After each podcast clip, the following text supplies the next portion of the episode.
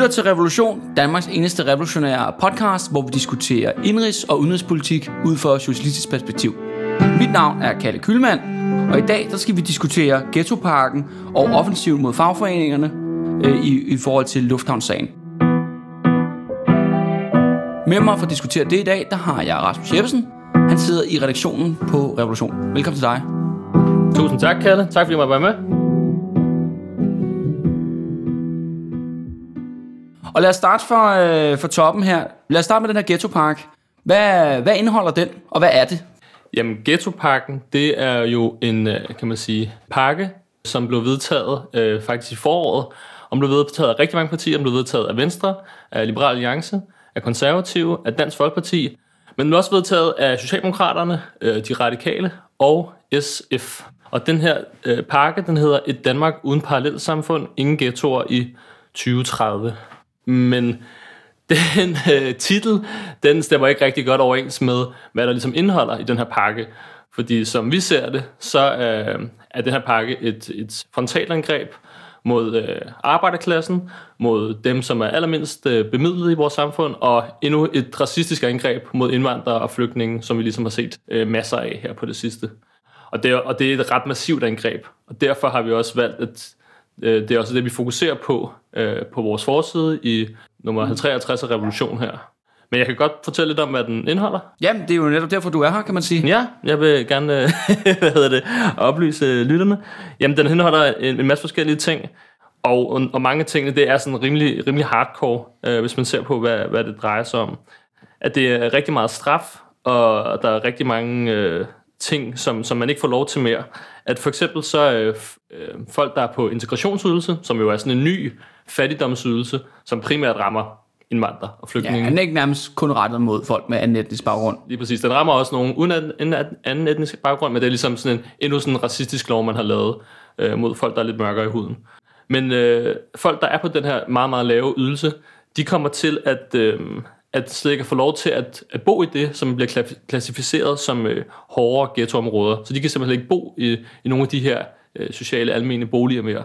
Øh, fordi deres eneste forbrydelse, det er, at de er fattige, som er fuldstændig absurd.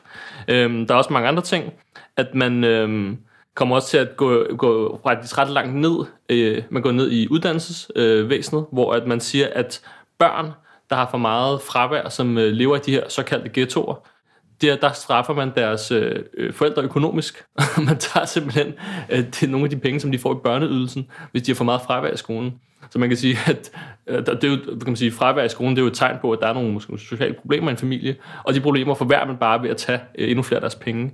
Øh, en anden ting, man også gør, det er, at man, øh, man, øh, man tvinger børn, som øh, bor i de her øh, boligområder, til ind i dagsinstitutioner fra de et år gamle. Og hvis, man, hvis forældrene ikke gør det, og man kan sige, det er jo sådan et, man kunne sige, om man vil have et barn i en børne, en, en, en institution eller ej, det burde være ens øh, eget frie valg. Men hvis forældre, der bor i de her... Ja, de er, tvangs, de er tvangsindlagt til at sende deres børn i. De er tvangsindlagte, og ellers så mister de, øh, kan man sige, øh, 30, eller så mister de faktisk deres børneydelse. Så det er igen ret mange penge, de mister, hvis de ikke gør det her. Der, der er et interessant aspekt ved det der med at sende tvangsindrullere sine børn i en institution, fordi nu er det ikke fordi, jeg skal komme til ekspert på børneområdet eller noget som helst, men mit indtryk er, at der generelt jo blandt i hvert fald, skulle sige, øh, danskere jo sådan en idé om, at man gerne vil have sine børn ud af institutionerne nu. Altså gerne vil have mere, være mere tid sammen med dem. Og så er det bare virkelig mærkeligt, hvis det ligesom er det der oppe i tiden, altså kommer der et politisk indgreb mod en helt bestemt befolkningsgruppe, du bliver tvunget ind i en institution. Og så det i sig selv skulle gøre, at det ligesom er, er med til at, at knække den sociale arv. Altså der er jo alle, skulle sige, hvis der er noget, der kendetegner børn med dårlig social arv, det er det netop, at de er institutioner. Altså det er jo øh, fra, ja, fra børnehave, vuggestue og så videre, så videre. Men øh, øh, hvad så og fortsæt? Ja, øh. men, men, og det er også klart, at man kommer til at forringe de her børns forhold endnu mere ved bare at tage deres forældres penge, øh, og vil bare give dem pisken igen og igen lige meget, hvad de gør. Øh, så kommer man bare til at presse dem øh, længere og længere ned i, i sølet, og det er, jo, det er jo super kontraproduktivt. Og igen, så er det, for mig at se, så er det her ikke på, på ingen måde nogen hjælp til de her familier, til de her børn, til de her forældre, men det er bare, at man slår dem og, i hovedet igen og igen. Men, men, men ghettoparken, den er altså, når man i hvert fald ser på medierne, det er jo en del, vi har jo det her bandekriminalitet, der jo ligesom vokser ud af de her områder, hvor der er de her sociale øh, spørgsmål, og hvor de her bandemiljøet er, der er en overrepræsentation af folk med anden øh, etnisk baggrund. Og ghettoparken er vel et forsøg på at, at, at, at ligesom brække det op, ikke? Eller hvad? Jo, det, det siger de i hvert fald. Men igen, så er det jo, man kan sige, hvorfor kommer kriminalitet? Ja. Kriminalitet, det er jo ikke nogen, der bliver kriminelle, fordi de, øh, det er noget, de drømte om, siden de har været øh, helt, helt, helt små, eller fordi de synes, det er en fed karrierevej. Kriminalitet, det er noget, at som, som fattige mennesker bliver skubbet ud til, fordi de er i nogle desperate situationer. Og problemet med ghettopakken, det er, at du ikke gør de her situationer lettere for de her mennesker, du gør dem tværtimod endnu mere desperate, du gør dem endnu værre, og derfor vil du så tvinge folk ud i endnu mere øh, kriminalitet, hvis de her tiltag bliver, bliver vedtaget, som jeg ser det. Netop fordi igen, du fjerner øh, mange af de familiers økonomiske grundlag ved at trække dem i ydelser på alle mulige forskellige planer. Plus, at man en del af ghettopakken, det er jo så også, at de her områder, hvor der så, øh, kan man sige, øh, er højere grad kriminalitet, fordi at der er højere grad fattigdom osv., så, videre, så laver man også et, øh, en, øh, en lov nu, hvor det gør det muligt for politiet at lave nogle såkaldte strafzoner. Ja, så man for lige, straffene. Lige præcis, hvilket er altså, altså fuldstændig sindssygt. Så man kan sige, at de her mennesker, som, som lever i, i områder, hvor der øh, i forvejen er, er hårdt, og der er kriminalitet, så vil man så, så straffe dem, som har nemmest ved at ryge ud kriminalitet, øh, dobbelt så hårdt. Øh, så det er jo fuldstændig absurd, det vil bare, kan man sige, holde, øh, kan man sige, den her, det vil, ikke, det vil i hvert fald ikke bryde med den her sociale arv, tværtimod vil den bare fastholde den i endnu højere grad. Men lige hurtigt for at vende tilbage ja. øh, til det med dagsinstitutionerne, fordi yes. der er også lige en lille krølle på det, som er, at der, der ifølge den her øh, pakke der, så må der kun være øh, 30% fra de her såkaldte ghettoer i en daginstitution. Ja. Så det vil også sige igen, du har måske nogle familier, som er presset økonomisk og socialt set, og nu skal de så fragte deres børn hen i den anden ende af kommunen, fordi de ikke kan bruge de dagsinstitutioner, der er tættest på dem. Øh, igen, I stedet for at give flere midler til de daginstitutioner, så man ligesom kan tage, tage hånd om de her børn, tage hånd om de her forældre, tage hånd om de her familier, men så, så sparker du dem bare helvede til. Mm. Øh, og samtidig, så igen, altså hvis de ikke gør det, hvis de så ikke indskriver dem i de her institutioner, så bliver de jo trukket ydelsen, så de er tvunget til at, til at rejse, jeg ved ikke hvor langt, i, på tværs af kommunen, for at øh, få deres børn i, øh, i institutioner. Men jeg tænker, jeg tænker også, at der er jo en række uforudsete konsekvenser ved den her måde at dele folk ind på. Jeg tænker også bare, hvis der står i kommunale papirer, eller hvad det nu kan være, altså fra statens side, at du er et såkaldt ghettobarn, at du er, tror, du er en af de der 30 procent, der du bliver sat i vuggestue, eller, eller tvangsindrullet i en øh, børnehave og sådan noget. Man kan jo virkelig, ja, som du selv var inde på, det er svært at se, hvordan det ikke kan være med til at forstærke for dårlig social arv. For eksempel, hvis det er det, der er spørgsmål, og det der ja. med, fordi du bliver jo faktisk overhovedet ikke behandlet lige som andre, øh, hvad hedder det, borgere eller børn øh, af andre borgere i samfundet. Du bliver netop altså, mærket for en tidlig begyndelse og under særlig overvågning. Ikke? Jo. Og også det der med at fordoble af straffene. Det er jo virkelig et, sådan et juridisk skråplan af dimensioner. Fordi, okay, altså, øh, du ved, der er sgu mange, øh, sgu, der er mange danske hipster, der har stjålet en cykel i en brænder. ja. Men hvad, hvad sker der så, hvis du gør det i et ghettoområde? Ja, lige præcis. Og, øh, og så bliver du så knaldet for det. Det er det. Altså, det er jo fordoblet af straffen, og fordobling på hvad for et punkt? Eller hvad, hvad er eskaleringen her, ikke? Altså, jo, jo. Øh, Jamen lige præcis, og du, du netop det, du opdeler folk. Du, du, igen, en af de der borgerlige mantraer, det er jo, at alle skal være lige for loven. Men lige pludselig, så bliver vi meget... Så vi skulle ikke lige for loven? Nej, vi er meget ulige for loven, for det kommer an på, hvor du bor henne. Det kommer an på, øh, hvad din forældres uddannelsesbaggrund er, hvad, hvad deres indkomst er, hvad, hvad, hvad deres hudfarve er. Alle de her ting øh, kommer ligesom ned til det her, så du kommer til at lave en kæmpe stor forskel på folk, og de kan faktisk, altså det her med, at de bliver straffet forskelligt, øh, det er jo fuldstændig, fuldstændig absurd, at mm. det skal være sådan. Jeg lurer også på det der med, at øh, en del af de her ghettopakker, det er jo sådan set et angreb på almindelige boliger. Ja af stor dimension. Jeg ved ikke, om du kan jo, sige lidt om det? Jo, men det er det jo. Det er, det er jo lidt absurd igen. Det er jo det her med, at man så for at komme af med de her såkaldte ghettoer, øh, så beslutter man sig så for, at, at der er sådan nogle forskellige kriterier for, hvornår et, et område er en ghetto, hvornår det er en, en hårdere ghetto, øh, og hvis at de her boligforeninger ligesom ikke øh, lever op til de her krav, så, øh, så, så bliver de klassificeret som en ghetto eller en hård ghetto, og så skal de så, øh, konsekvensen der er så, at de skal, hvad hedder det, rive nogle af deres boliger ned, eller sælge nogle af dem. Og der er faktisk allerede noget, der er i gang her, hvor at øh, omkring øh, 4.000 øh, af de her almene boliger, de skal rives ned, og omkring 700-800 af dem, de skal renoveres, og derefter sælges som private ejerlejligheder. så det vil sige, at, det, at de her boliger, det er jo netop boliger, som, som mennesker, som ikke har særlig mange penge, bor i, fordi de er billigere bor i. Bor i. Og du, nu det er jo det hele det, der er ideen med social Lige præcis. Og nu jævner du bare en, altså, omkring 4.000 af dem med jorden. Øh, det er jo fuldstændig absurd. Hvor skal de her mennesker så bo? De kan i hvert fald ikke bo inde i byerne mere, fordi der er ikke nogen steder at bo. Hvis du ser på legemarkedet, så er det også fuldstændig eksploderet, at øh, generelt set over hele Danmark, så de sidste 10 år er, er, er legepriserne steget med 30%. I København alene, der er legepriserne de sidste 5 år steget med 42%. Det er jo fuldstændig absurd, at lønningerne steget med 42% de sidste 5 år. Det nej, nej, det er det jo ikke. Jo. Det, det tror jeg ikke. Så det er jo, hvordan skal de her mennesker, som, som ikke har særlig mange penge mellem hænderne, hvor skal, hvor skal de, de kan ikke bo i byen mere hvor der er flest jobs, hvor det er nemmest at komme i arbejde, de bliver så smidt ud øh, og bliver sendt til, til Fyn eller til, til, til Lolland eller et eller andet, øh, fordi det er eneste sted, hvor de har råd til at bo nu. Mm. Så det er fuldstændig, øh, fuldstændig hjernedødt. Øh, og, og så de ting, der så bliver bygget i stedet for, det er jo ikke ting, der er, der er billige eller billigere på nogen som helst måde. Øh, det er jo også det, vi har set øh, forskellige steder, når man, så, når man så bygger nye ting, at så er det jo også sindssygt dyrt, og, og legepriserne er sindssygt dyre. Der er for eksempel øh, op, nyopførte studieboliger, for eksempel. Ja, lige præcis. Hvor at, ja, det er jo studieboliger, som var meningen, at studerende skulle kunne Ja, for en SU på 5.000 om måneden. Lige præcis. Og hvad er det, prisen på det er? Det er over 7.000 kroner om måneden. Ja, det er jo det oppe, ikke? Fuldstændig 100 procent. 100 procent af deres indtægt mere, 100, mere end 100 procent. Det er jo, at kalde det en studiebolig, det er jo, det er jo bare en hån mod studerende. Ja, et slag i ansigtet, om man så må sige. Ja, ja, lige præcis. Men jeg lurede virkelig på de der tal, de der 4.000 almene boliger, der, skulle, øh, der bliver revet ned her, og så er der samtidig er der så også 730 almene boliger, der skal renoveres, og derefter skal de gøres til private eje og sælges fra. Ja, så, altså, altså jeg vil også sige, så det bliver jo, det bliver jo hurtigt de her 4.500-5.000 boliger i alt, hvor man så smider beboerne ud. Altså, ja, hvor man tvangsfælder på bordene, ja. og det er jo svært, jeg kan sige, det er jo svært, at, jeg, jeg ved ikke, hvor mange der i snit bor i de her boliger, det kan jo være alt mellem en til, hvis man har en stor familie, kan man jo godt bo øh, 6-7 stykker der, mm. men som jeg ser det, så er det jo i hvert fald mellem 15 og 30.000 mennesker, som ja. tvangsflytter. Det er jo kæmpe antal, og det, er også bare lige, det skal man også lige bide mærke i. 15 til 30.000. Og altså rent sådan historisk jo, det er den største folkeflytning, der er sket på dansk, eller tvangsflytning, der er sket på dansk territorium, siden man flyttede, tvangsflyttede grønlænderne tilbage i 1950'erne. Okay.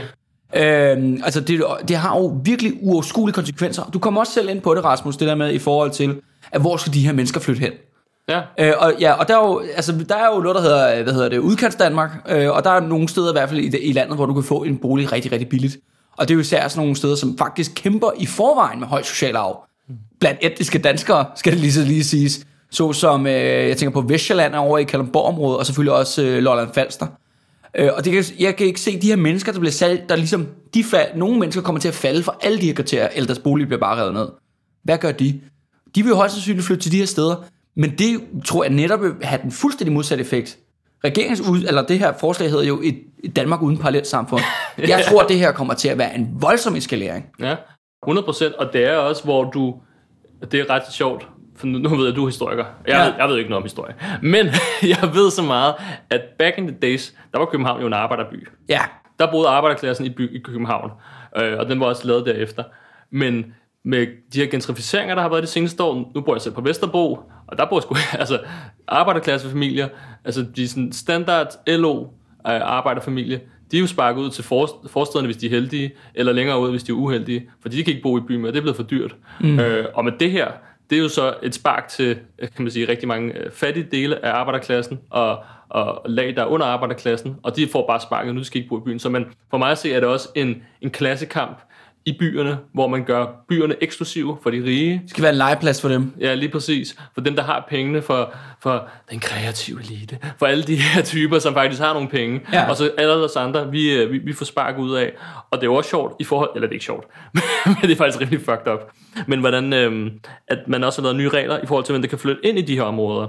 Øhm, altså, det er et ghettoområde, skal det være med på. Ja, lige præcis. Ja, ja. ja de er så, såkaldte ghetto. Jeg, jeg synes, ja. At, ja. Øhm, hvor at de, øh, der er lavet nye regler, at hvis man har været på integrationsydelse, hvis man har fået uddannelseshjælp, hvis man har fået kontanthjælp, hvis man har fået dagpenge eller sygedagpenge, eller hvis man har fået førtidspension, hvis man har været det i et halvt år, mm. så må kommunen ikke anvise dig til de her boligområder. Ja. det er jo også, hvor, hvor, hvor fint skal du så flytte hen? Altså, så kan, så kan, så kan kommunen anvise til, til, hvad ved jeg, øh, byggeriet i Nordhavn. Ja. Men der har du ikke råd til at flytte ind. Ikke hvis du er på en af de her ydelser, eller har været på en af de her ydelser. Og det samme i forhold til nogle af de kriterier for, hvad, hvornår at, at boligområde er en såkaldt ghetto eller ej. Et af kriterierne, det er, at, øhm, nu skal jeg lige se, at et af kriterierne for, hvornår en, et, et område er en ghetto, det er, at hvis over 50% af beboerne er såkaldte indvandrere øh, fra ikke-vestlige lande. Ja. Så hvad betyder det? Det betyder jo, at boligselskaberne, de er tvunget ud i at skabe nogle apartheid-lignende systemer, hvor de kan sige, okay, vi må ikke have fattige folk, vi må ikke have folk med lav uddannelse, det er også en af, en, Ja, af en af kravene. ja. Ja, lige præcis for nå den ghetto. Så hvis du er lavt uddannet, så må du ikke komme ind. Hvis du er, er en lav indkomst, så må du ikke komme ind. Hvis du er brun i huden, så må du heller ikke komme ind. Så må du bo et andet sted. Altså det er jo apartheid, at man tager visse mennesker og putter ind i visse boligområder, fordi de øh, ser ud på en bestemt måde, eller kommer, kan man sige, har en bestemt etnicitet, eller kommer fra et bestemt socialt lag, og resten af dem, de må ligesom flytte et andet sted hen. Mm. Det er jo fuldstændig sindssygt, at man, man er nået på til det her punkt. Ja, og virkelig, virkelig, virkelig absurd. Og hvor at, at det bliver bare en, en at øh, endnu en, en del af den her racistiske øh, heksejagt mod indvandrere og flygtninge. Jeg vil også bare sige, altså, bare, altså lad os bare male fanden på væggen her. Altså, det er jo inden for relativt kort tid, faktisk, i, i betegning med det her bolig, de bliver nedrevet, og de her folk, de bliver nødt til at flytte derfra. Du kommer jo til at skabe nogle landsbyer rundt omkring, eller små provinsbyer uden dansk provins. Ja, og det, det første, der ligesom falder mig ind, det er sådan nogle ting, hvor sådan nogle øh, romanske cigøjnerlandsbyer. Sådan, du ved, der ligger ude i Rumænien, hvor sådan, der er sådan en lovløse tilstand og sådan nogle ting. Det er jo det, der kan være konsekvensen af, at man tager, du ved, man, man ligesom tvinger de absolut de tungeste med dårlig social arv, der netop falder for alle de kriterier til at bo derude, og, og være fuldstændig afskåret fra resten af samfundet. Altså også langt væk fra de myndigheder eller de personer, der skal hjælpe dem. Om det så er hospitaler, eller ja, sociale myndigheder, kommunen osv. osv. Så jeg tror jo det der med, at i stedet for, at de siger det der med, at nu skal vi have, et, altså det er ligesom om, det, det er jo voldsomt tiltag, som de fremlægger som om, nu tager de danske politikere det her opgør med ghettoerne. Det skal være slut med ghettoerne. Men jeg tror tværtimod, resultatet vil blive, at de vil skabe endnu hårdere ghettoer. Ja. De kommer bare ikke til at ligge i København mere. Nej, og det er jo, det er jo rigtig godt for, for herre fra overklasse, ikke også? Som så Jo. kan have byen for dem selv. Øh, og, det er jo, og jeg tror, jeg, jeg er fuldstændig enig, at det kommer til at skabe nogle, nogle sindssyge ghettoer. Og hvem er det, der skal betale for det her? Ja, det er jo det. Hvem skal betale for det? Er det også herre fra overklasse, der skal betale for det? Nej, det er det ikke. Det er dem, der bor der nu, der selv betaler for det. Det er dem, der bor der nu, som selv betaler for, at deres boliger bliver revet ned, og de bliver renoveret og solgt som private ejede øh, øh, boliger. Fordi man, de penge, der skal gå til det, de kommer fra det, der hedder Landsbyggefonden, og det er en fond, som dem, der bor i de sociale almene boliger, betaler ind til løbende. Og man tager 10 milliarder fra den her fond og bruger til at ja, sparke øh, kan man sige, de laveste lag af arbejderklassen og, og, hvad hedder det, og fattige mennesker øh, ud af de her boligområder. Øhm, så det synes jeg også er fuldstændig absurd. Det er jo klart, at hvis du vil gøre op med nogle af de sociale problemer, som findes selvfølgelig i større danske byer, ligesom det findes alle mulige andre steder, så skulle der massive investeringer til i form af, af socialhjælp, i form af at skabe øh, jobs til alle, i forhold til at give folk de bedste muligheder for, at- for at leve et godt liv. Men lige nu så forværrer du bare øh, alle de her menneskers muligheder for Ja, at leve. staten hjælper ikke, den eskalerer en, øh, en forvejen konflikt, kan man sige. Ja. Øh, og det er også det der med den sociale frustration. Nu så jeg også bare lige i forhold til her, hvor nu hvor vi optager det her, at i mandags, der øh, var der nogen, der havde sat ild til øh, 10 biler i øh, Nordvest, Emdrup, Udderslev og her på Nørrebro. Ja, og altså, hvad vil du, hvordan vil du tolke sådan noget, øh, Rasmus Jebsen? For det her med bilafbrænding, det er jo faktisk noget, vi ser, har jo set ret mange gange i løbet af de sidste par år, netop i de såkaldte ghettoområder. Mm. Jamen, altså man kan sige, det er, jo, det er jo et udtryk for frustration. Det er et udtryk for nogle sociale problemer, øh, at, at det kommer ud på de her tidspunkter. Og man har jo set det, og man, det er jo ikke et dansk fænomen. Nej, det, det, ser det, man, ja, det er også vigtigt at pointere. Det er på ingen måde et dansk fænomen. det ser du i store byer overalt i verden, at der har, du har de her unge, som du har smidt øh, ind i nogle øh, boligområder, og hvor at de ikke føler, at de har en fremtid. Mm. Hvor at, at staten, det er ikke nogen, som prøver at hjælpe dem, eller prøver at hæve deres, øh, kan man sige, levestandard. Tværtimod, så er staten, det eneste, de får, de kender til staten, det er sådan nogle socialhjælpere, som jagter dem, i forhold til alle mulige krav. Og ikke mindst politibetjente. Og ikke mindst po- politiet, som hele tiden er efter dem, og hele tiden, øh, hvad hedder det, fanger, øh, hvad hedder det, øh, indvandrere, og visiterer dem, og chikanerer dem, og tæsker dem på alle mulige øh, måder. Øh, så for mig at se, så er det, det, kan man sige, det er jo ikke fordi, at bilafbrændinger løser noget i sig selv. Nej. Øh, men det er et, for mig at se, et udtryk for en, en dyb, dyb frustration over en generation af unge mennesker, som ikke føler, at der er nogen, der bekymrer sig om dem, og som føler, at samfundet er ligeglad med dem, og bare har kasseret dem, og de ikke føler, at de har nogen fremtid. Og sådan er det, kan man sige. Og de udgør selvfølgelig, kan man sige, et rekrutteringslag for øh, bandekriminelle. Ja, Øh, ja, fordi, ja, fordi hvad skulle det ellers? Øh, selvfølgelig, ikke, selvfølgelig ikke dem alle sammen, der ender der, men det er klart, at det, det har en vis tiltrækning, hvor der er et fællesskab, øh, fordi de, de er blevet ekskluderet af det store fællesskab, af samfundets fællesskab, Ja. øh, af staten. Øh, så, det, så det er klart, at, de ting... Ja, så skaber opstår. man relationer på, på et andet niveau, ikke? Ja. der handler om andre ting. Jo, lige præcis. Og de bliver jo ikke, altså det skulle siges, at det, det, er jo kun, altså, det er jo kun dem i den absolutte top af de der bandekriminelle, der egentlig faktisk laver penge. De fleste andre forbliver faktisk i, i bunden, ikke? Jo. Og det er også dem, som, øh, som, som, som tager slæbet, ikke også? Ja, jo, det er dem, der får lov til at stå øh, hernede i parken og, øh, og deale på et corner, ikke? Ja, ja, det er dem, der rører i fængsel, når, at, øh, at, at det så, øh, øh, når der er nogen, der skal ind og sidde. Så ja, det, det, er, fuld, det er fuldstændig absurd også. Og, og for mig at se, så øh, nu er der, der har faktisk været nogle, øh, der har faktisk været nogle forskellige ting, som ligesom var imod det her ghettopakke. Der var sådan noget almindelig modstand, som er sådan en Ja. græsrodsbevægelse mod det. Øh, hvor de har lavet demonstrationer og lavet forskellige ting mod det, som er rigtig positivt. Men det her burde jo være en sag for hele arbejderbevægelsen.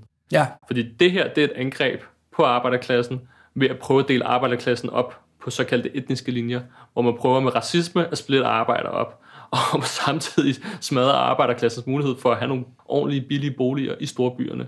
For mig at se, så er det fuldstændig absurd, at, at øh, arbejderpartierne og fagforeningerne ikke er gået ind og vist en massiv modstand mod, øh, mod, mod den her såkaldte ghettopakke, fordi det er et, et frontalt angreb på, på arbejdere og på indvandrere og på flygtninge.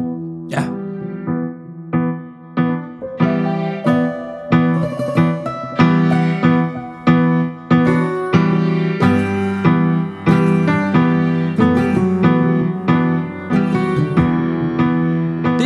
Ghettoparken og ghettospørgsmålet. Så nu går vi videre til den anden halvdel af den her, den her podcast, vi har i dag, som også tager udgangspunkt i artikel, der er skrevet i, øh, i Revolution her i oktober.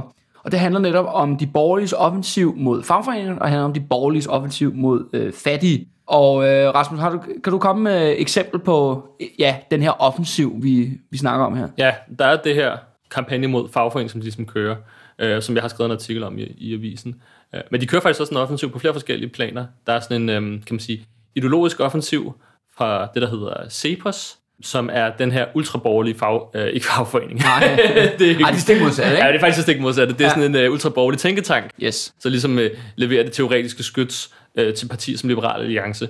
Øh, men de har kørt sådan en meget stedig, ihærdig kampagne øh, mod det, de kalder demokratisk socialisme, øh, hvor de ligesom prøver at svine det til igennem sådan personangreb på tidligere folketingsmedlem for Enhedslisten, Pelle Dragsted.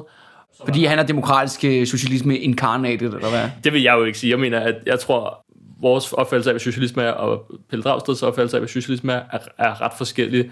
Øh, og derfor vil jeg ikke gå så meget ind i, i diskussionen, fordi jeg synes egentlig ikke, at hans argumenter er sådan de bedste i verden. Det kan vi altså tage en anden dag. Det kan vi. Men interessant er bare, at de kører ret hårdt på, og de bliver ligesom ved og ved og ved med at køre på øh, med den her kampagne. Og det er, jo ikke, det er jo kun i Danmark, det foregår. I Storbritannien, så kører øh, de borgerlige og især medierne rigtig hårdt på ham, der hedder Jeremy Corbyn, som er formand for Labour, som er erklæret socialist og øh, taler om nationaliseringer af dele af økonomien. Og Labour, det er Englands socialdemokrati. Lige præcis, som virkelig er blevet drejet til venstre, efter han blev leder, ja. og det kørte de rigtig hardcore på mod ham i USA, hvor du ikke engang har et arbejderparti i, i, hvad kan man sige, i, i parlamentet eller noget som helst.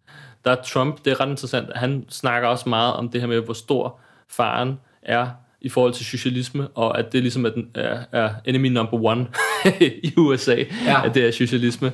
Øh, og det synes jeg bare er ret interessant, også fordi, at det betyder jo, at de er bange for det. At de, de mener, der er faktisk, at det at socialistiske idéer faktisk har en grobund, og at der faktisk har en større De tiltrækning. giver det i hvert fald større opmærksomhed i hvert fald, end de har gjort i de sidste mange år. Det gør de. Og det ser du også, hvis du, ser meningsmålinger fra USA, hvor der historisk set er ret få amerikanere, der har været, kan man sige, der er gået ind for socialisme, så ser du et større og større af historisk antal amerikanere, som, som, som mener, at socialisme er noget favorabelt, og, og, og hellere vil foretrække det frem for kapitalisme, som er virkelig mm. interessant, og virkelig viser noget om den blindgyde kapitalismen som system er, er inde i. Øh, ikke bare, kan man sige, i USA, men på, men på global plan, at det ikke kan tilbyde en fremtid mm. øh, for mennesker.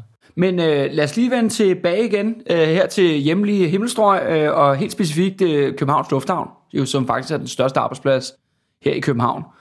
Øh, og der har jo været en sag om, at øh, der er jo en, øh, øh, dem, der transporterer bagage ud i lufthavnen, de har en fagforening, den hedder 3F, som er jo ja, de ufaglærtes øh, fagforening, Og faglærte. og faglærte af, øh, men det, det er den største fagforening i Danmark, Ja, medlem, og, på og medlemsbasis. de, de, de organiserer rigtig, rigtig brede lag af arbejderklassen. Ja. At de har, de har bagageportører i Kastrup, eller i Københavns Lufthavn, Øh, men de har også, øh, kan man sige, bygningsarbejdere, de har gardnere, de har rengøringspersonel, Køkkenpersonel. køkkenpersonel, ja. Øh, og de, de, de, de er meget, meget brede lag af arbejderklassen. De Ja. ligesom øh, organiserer, og transportbranchen organiserer de også. Og de, øh, men de organiserer altså de her folk, øh, bagagefolkene ude i lufthavnen. Og så har der jo været en sag, hvor at, øh, ja, vi kalde det en, øh, hvad skal vi kalde ham, en provokatør, sendt ind af Berlingske Tidene, eller hvad? ja, jeg, jeg ved ikke, om, om, om han er på Berlingske Tidendes øh, lønningsliste. Det, det, det er ikke til at sige. Men det, der i hvert fald er sket, det er, at du har øh, de her bagageportører ude i Københavns Lufthavn. Der kommer så en, en, en, øh, en ny ansat, som er ansat på en øh, kontrakt. Øh, Jeg tror, det er 6-7 måneder, hans kontrakt den ligesom løber. Og det er altså normal praksis i lufthavnen. Du starter med sådan nogle kontraktansættelser, og så senere ude i fremtiden, så kan du få en fast ansættelse. Han bliver i hvert fald ansat herude, og han er ingeniør. Ja. Og det er jo egentlig lidt, det er jo allerede lidt sjovt der. Hvad laver en ingeniør, som vil at, du ved, transportere bagage i Københavns Lufthavn? Ja. Også fordi, at så vidt jeg har forstået, hvis man følger medierne, så er der faktisk mangel på ingeniører Ja, i Danmark, så han jo burde jo faktisk kunne få sig et arbejde inden for det arbejdsområde, han er uddannet inden for. Ja, ja, ja. Jeg, jeg, jeg kender også uh, ingeniører, og hvad hedder det, de siger også, at der, der, du kunne være ind og få et job hvor som helst som ingeniør lige i øjeblikket. Men han synes jo bare, at han skulle i lufthavnen. Det er jo, der vil han lige have noget, noget livserfaring derfra først, åbenbart. Uh, okay. Men det han så gør, det er, at han øh, kommer ud til de her bagageportører, og de har en ret stærk organisering i lufthavnen blandt de bagageportører. Der er de alle sammen medlem af den overenskomstbærende fagforening, som er 3F. Det er ligesom dem, der tegner overenskomsten, den der forhandler på, på deres vegne, og også dem, der ved alt om forholdene og arbejdsforhold og løn og så videre ude i lufthavnen.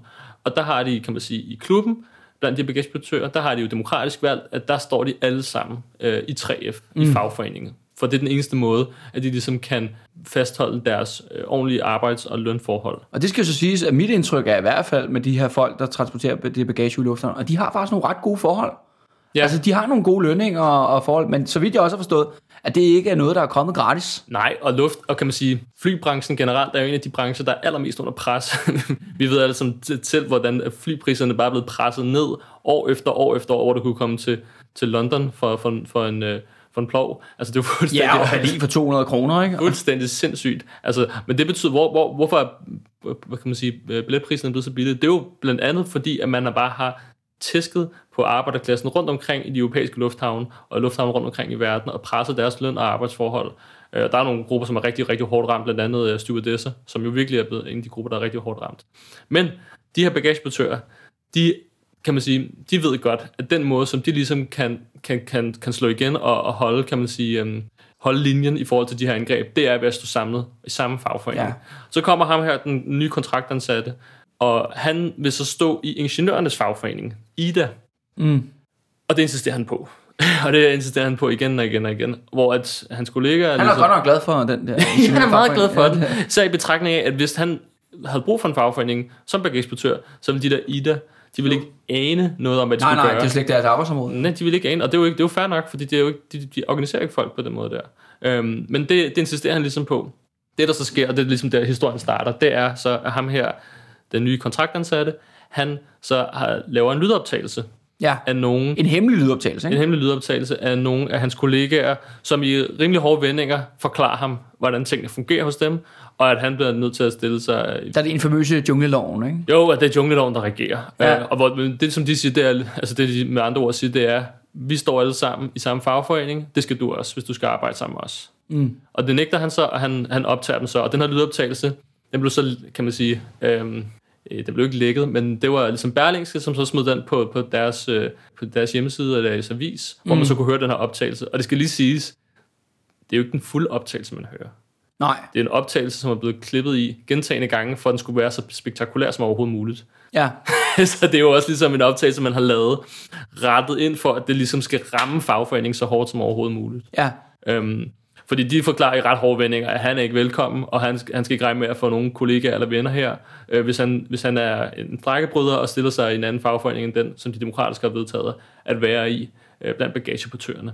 Og den smider Berlingske så ud i æderen, og så starter det store cirkus, og det er jo ret hurtigt, at det, man kan sige, at, øh, at alle de borgerlige, de bare overfalder øh, verbalt øh, 3F og bagageportørerne om, at hvordan at de krænker den enkeltes frihed og så videre, så videre, så videre. Ja, der godt nok var rammerskrig, hva'? Ja, det var, det var sige, det var fuldstændig, fuldstændig sindssygt. At der er det virkelig, virkelig kørt hårdt på, at det her, det skulle bare, der skulle ministeren ind over, at han skulle gøre noget ved det her, og han, han kendte jo også uh, øh, 3F Kastrup som en lokal afdeling, som organiserer de bagageportører, så han skulle virkelig ind og, og gøre noget ved det her, og smide arbejdstilsynet ud mange gange og så videre. Og det er jo ikke tilfældigt, fordi de her bagageportører, det er ham her, en kontraktansatte, som du også lidt af op til, men som jeg også mener er en provokatør. Han er kommet ind med en dagsorden, og han vil provokere en konflikt frem. Uh, men da han ligesom nægter igen og igen, at man melder sig ind i den samme fagforening som hans kollegaer, hvad gør hans kollegaer så? De sætter sig ned, de ja, strækker 150, de, de strækkede, ja. 150 mand, og de gør det ikke en dag, de gør det ikke to dage, de gør det tre dage, som er ret vildt i dagens Danmark, øh, når man snakker arbejdskamp, og det ligesom lyder som sådan en ting, som ligesom hører fortiden til. 150 øh, kollegaer sætter sig ned, fordi ham er den nye øh, provokatør, han ikke vil organisere sig sammen med dem. Mm det er med noget, der vil noget, at så er det ligesom øh, alvor, øh, og som det også betyder en masse forsinkelser på fly ude i, i lufthavnen og så videre, ja. og skaber en masse ballade der. Og hvor det jo ender med, at øh, SAS, som jo øh, ligesom er firmaet, hvor de her bagageportører er ansat i, de bliver nødt til at sende ham her, provokatøren hjem, altså at sygemelde ham, fordi at de 150 andre, de vil ikke arbejde, hvis han skal være der. Nej, ikke sammen med ham. Og det er jo, kan man sige, det er jo deres... Øh, nu bliver der snakket meget om det her med frihed, og hvad, hvad, hvad man kan, hvad kan man sige, tvinge den enkelte til. Mm. Men de, de nægter at blive tvunget til at arbejde sammen med en, som ikke vil være med til at opretholde ordentlige løn- og arbejdsforhold ja. ved at stå i samme fagforening som dem. Og nu kan man sige, at de her bagagefolk jo, de har jo faktisk en lang historie for at strække ja. øh, og kæmpe for deres forhold. Og det er jo også grunden til, at der hvor de har de her gode forhold, at det skal bare forsvares med næb og klør. Især når vi, ja, som du var inde på, Rasmus, i forhold til lufthavnsbranchen, som jo bare virkelig er under angreb. Ja. Men det er også det, der er interessant altså, vi, vi, vi, vi to virker som om, vi er ret enige om, at vi ligesom ser ham det som en provokatør. Men hvem har en interesse i at sende ham derind og prøve at skabe den her historie og sidde og klippe det der lydklip og sådan noget, så det bliver så spektakulært som muligt? Jamen, det er jo lidt interessant. Øhm, fordi altså, man kan sige, det, og det er jo ren spekulation. Ja, ja, nu sidder man bare og spekulerer. men det må man gerne på podcast, ja, det, det, er jo rigtig, det er rigtig, øh, hvad hedder det, ja, det er godt medie at spekulere i. Ja, ja. hvad hedder det, jamen, jeg, jeg tror generelt set, så er det jo, kan man sige, øhm, borgerskabet i Danmark, som har en interesse i at give en lussing til, til, til, til fagbevægelsen, og også den mest aktive del af, af fagbevægelsen, som er 3F. Mm. Fordi hvad vi har her lige om øh, hjørnet, det er jo, at vi har overenskomstforhandlinger for det private arbejdsmarked, som blandt andet tæller 3F. Ja, det der hedder OK20. OK20, ja, fordi de skal forhandles og komme på plads her næste år. Og ja, den her historie, den kom sådan frem øh, før 3F's kongres, og jeg tror, det ligesom var at prøve at ligesom give dem et slag og ligesom prøve at banke dem på plads. Og vi var ret hurtigt ud. Uh, nu, er også, nu er det jo vores podcast. Jeg vil også ja. give os selv lidt credit, ja, ja, hvis det er tilladt. Vi skrev, efter den her historie begyndte at rulle, ja. så skrev vi ret hurtigt en, en støtteerklæring til de her bagageportører, og sige, at det har fuld støtte til dem her. Selvfølgelig ja. skal man stå i samme fagforening for, for at kæmpe for ordentlige øh, løn- og arbejdsforhold, og selvfølgelig skal man kæmpe med arbejderklassens midler, som blandt andet er strækker. Det er den eneste måde, hvorpå at man kan, man kan vinde en kamp. Så vi var fuld støtte. Og så lige pludselig så begyndte støtten også at rulle ind fra andre steder. Og jeg tror, at at kan man sige, de borgerlige, som jo var begyndt den her hysteriske kampagne sammen med medierne, øh, de havde lidt håbet, at så skulle, de bare, så skulle de bare i defensiven, og nu skulle de bare ned på knæ, og de skulle bare undskylde øh, de der tre for, for de, hvad de havde gjort. Men man så faktisk lidt det modsatte.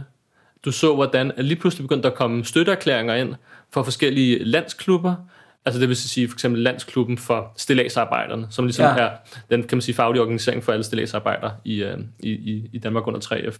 At de kom med en, en støtteerklæring, og så kom murerne med støtteerklæringer og så videre, både for landsklubber og for lokalklubber rundt omkring for buschauffører. Så lige pludselig kom der alle de her støtteerklæringer ja. øh, mange steder fra i Danmark, hvor bare var støtte til de bagageportører og deres kamp. Øh, og det tror jeg ikke, man havde forventet. Og noget, som jeg også synes var ret interessant, det var, at normalt så vil Socialdemokratiet, og altså, man kan sige, Enhedslisten var også ret hurtigt ude og komme med støtte til dem her, øh, efter at de her klubber også var begyndt at, at komme støtte. Men selv sådan højstående socialdemokrater, og selv fagforeningsledere som Per Christensen, som er ligesom er formand for 3F, de var, de var ude og sige, at man må ikke mobbe, og man må ikke tro. Ja, det var, han var sådan lidt, ja, man lidt må kritisk, ikke? Man må ikke bruge de her bøllemetoder, men samtidig så var han heller, så var han også nødt til at anerkende noget af det, som de her bagageportører havde gjort rigtigt hvor de normalt, for mig at se normalt, så vil, de, øh, så vil de bare have været ude, og så bare efterladt de her bagageportører i kulden, og, og sagt, det, det, de må sejle jeres egen sø.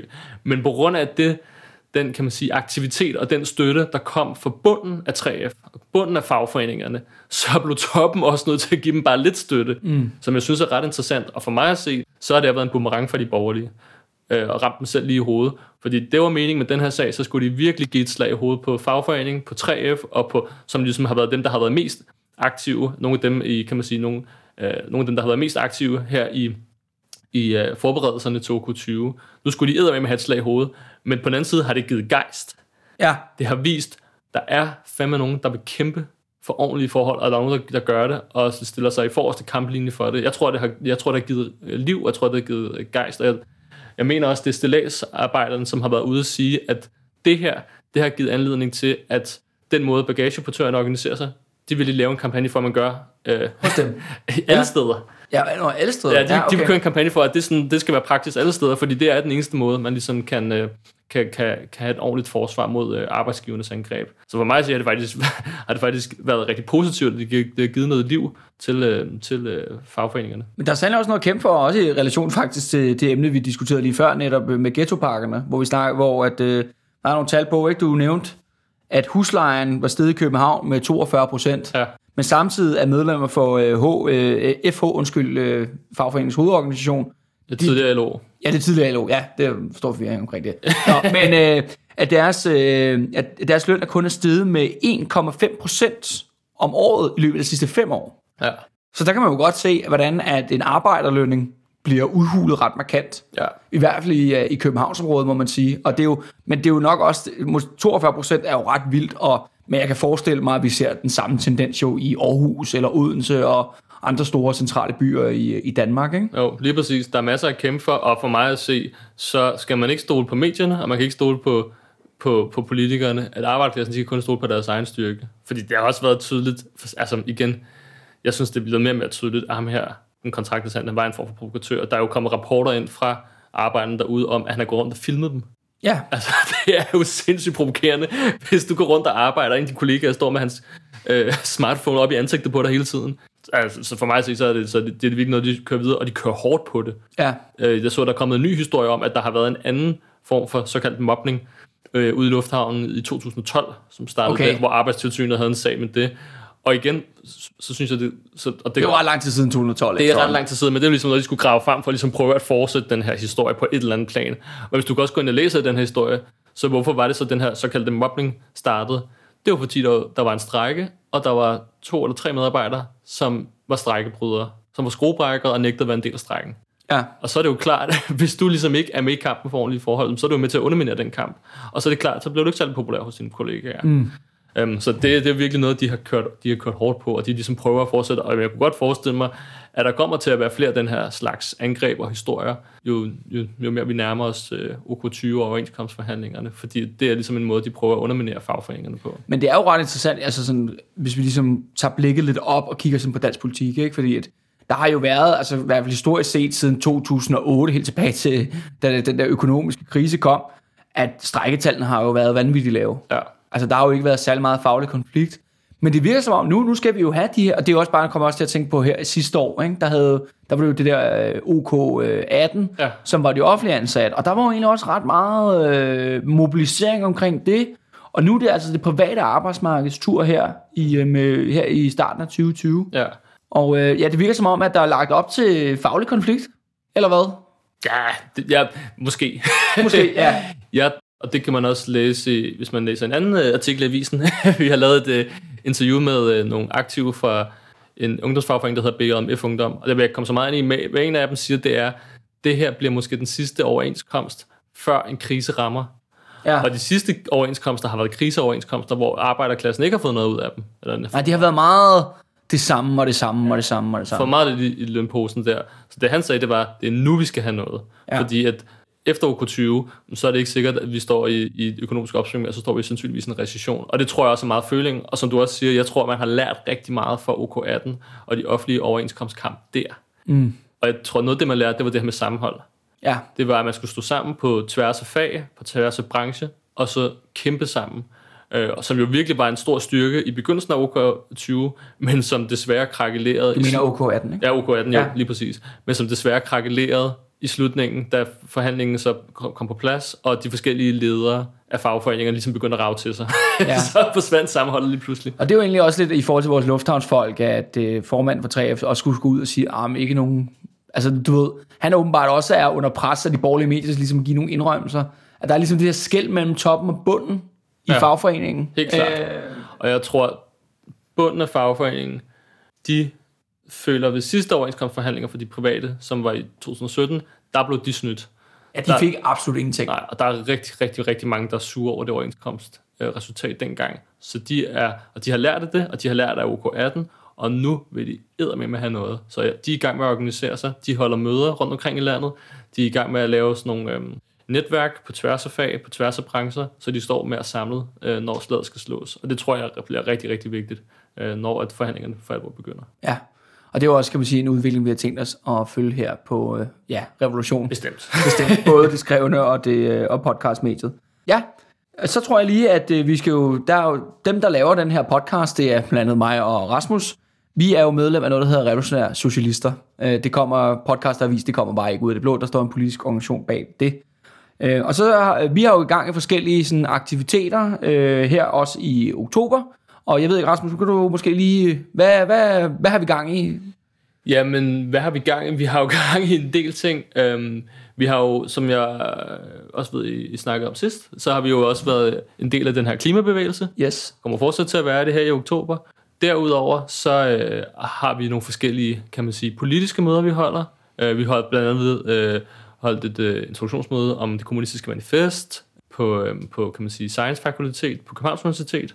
Øh, vi har holdt et, øh, et øh, møde på Averhøj Gymnasie om, øh, om marxistisk filosofi. Vi har holdt et møde på øh, samfundsfagligt øh, fakultet om, øh, øh, hvorfor man skal kæmpe for en revolution. Så vi holder de her forskellige politiske møder, hvor at man er velkommen til at dukke op og med til at diskutere og, og høre, hvad vi mener.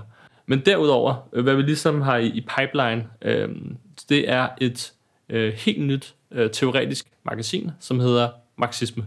Og det, jeg glæder mig rigtig, rigtig meget til, ja. det kommer. Det bliver mega fedt. Øh, og man kan sige... Jeg kan også afsløre, at en af forfatterne sidder faktisk i rummet.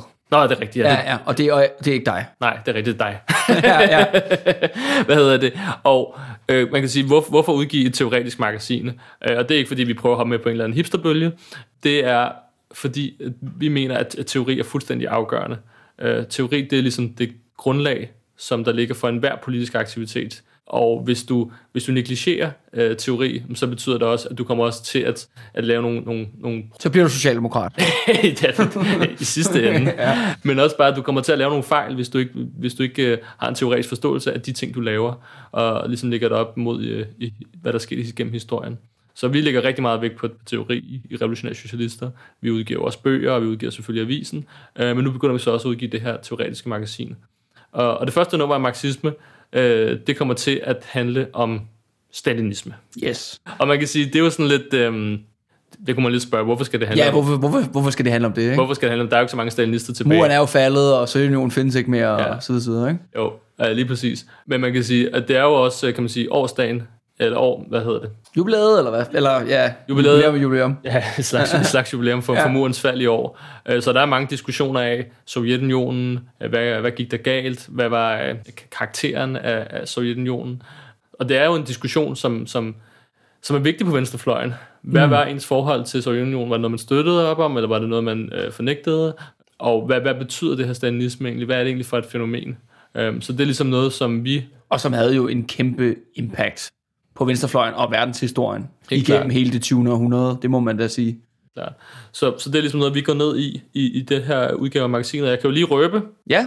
Øh, spoiler. Ja, spoiler. Øh, spoiler sådan en indholdsfortegnelse ja, til, ja, til magasinet. Jamen, så, så gør det. Ja, øh, der kommer til at være en, øh, en artikel om stalinismen og, og dens rødder. Så kommer der til at være en øh, artikel om Sovjetunionen og 2. verdenskrig. Og det er vist dig, der forfatter ja, den? Ja, ja. Intet mindre. Jeg glæder mig til at læse det. Og så kommer der til at være en artikel, som hedder Stalinisme uden Stalin, Sovjetunionen efter 2. verdenskrig. Og så kommer der en artikel om, om Berlinmurens fald. Ja. Så det kommer til at være sådan ret dybdegående omkring det her øh, emne om stalinisme, øh, og jeg tror, det bliver rigtig, rigtig godt. Det kommer til at blive udgivet her i slut oktober, start november, og vi kommer også til at lancere det. Så følg endelig med på vores, øh, vores Facebook-side, så skal vi nok øh, længe begivenheden op øh, for lanceringsmødet. Og jeg vil også sige, altså det har jo en politisk relevans, også i forhold til Danmark, fordi at selvom kan man sige, at Danmark var så selvfølgelig ikke en del af Østblokken, men der har jo ligesom været et kommunistparti, som var affiliated med Sovjetunionen. Ja. Og så ret interessant er det jo også for alle de andre politiske retninger på venstrefløjen, om mm. det har så været trotskister eller maoister, eller hvad det, hvad det nu end har været. Med murens fald i 89, der ser vi total ideologisk kollaps. Og det interessante er, at det sker jo faktisk også for reformisterne i arbejderbevægelsen, altså Socialdemokratiet, øh, Socialdemokraterne. Inden murens fald, der snakkede man jo om økonomisk demokrati som slags, du ved, skulle reformere os til socialismen og alt det. Ja. Og det blev fuldstændig opgivet. Ja.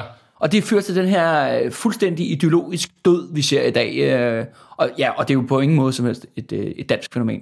Så det er også derfor, det er relevant ligesom at diskutere det her fænomen med Sovjetunionen og, og stalinisme her. Så yes, så vi glæder os til, at det udkommer. Ja.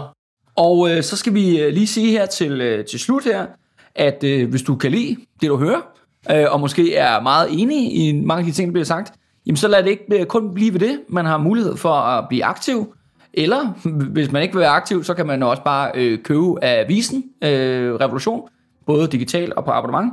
Og det er man ligesom, hvor man finder os hen. Man finder os på marxist.dk, man finder os på revostock.dk, vores officielle partiside. Og så er vi selvfølgelig også på Facebook.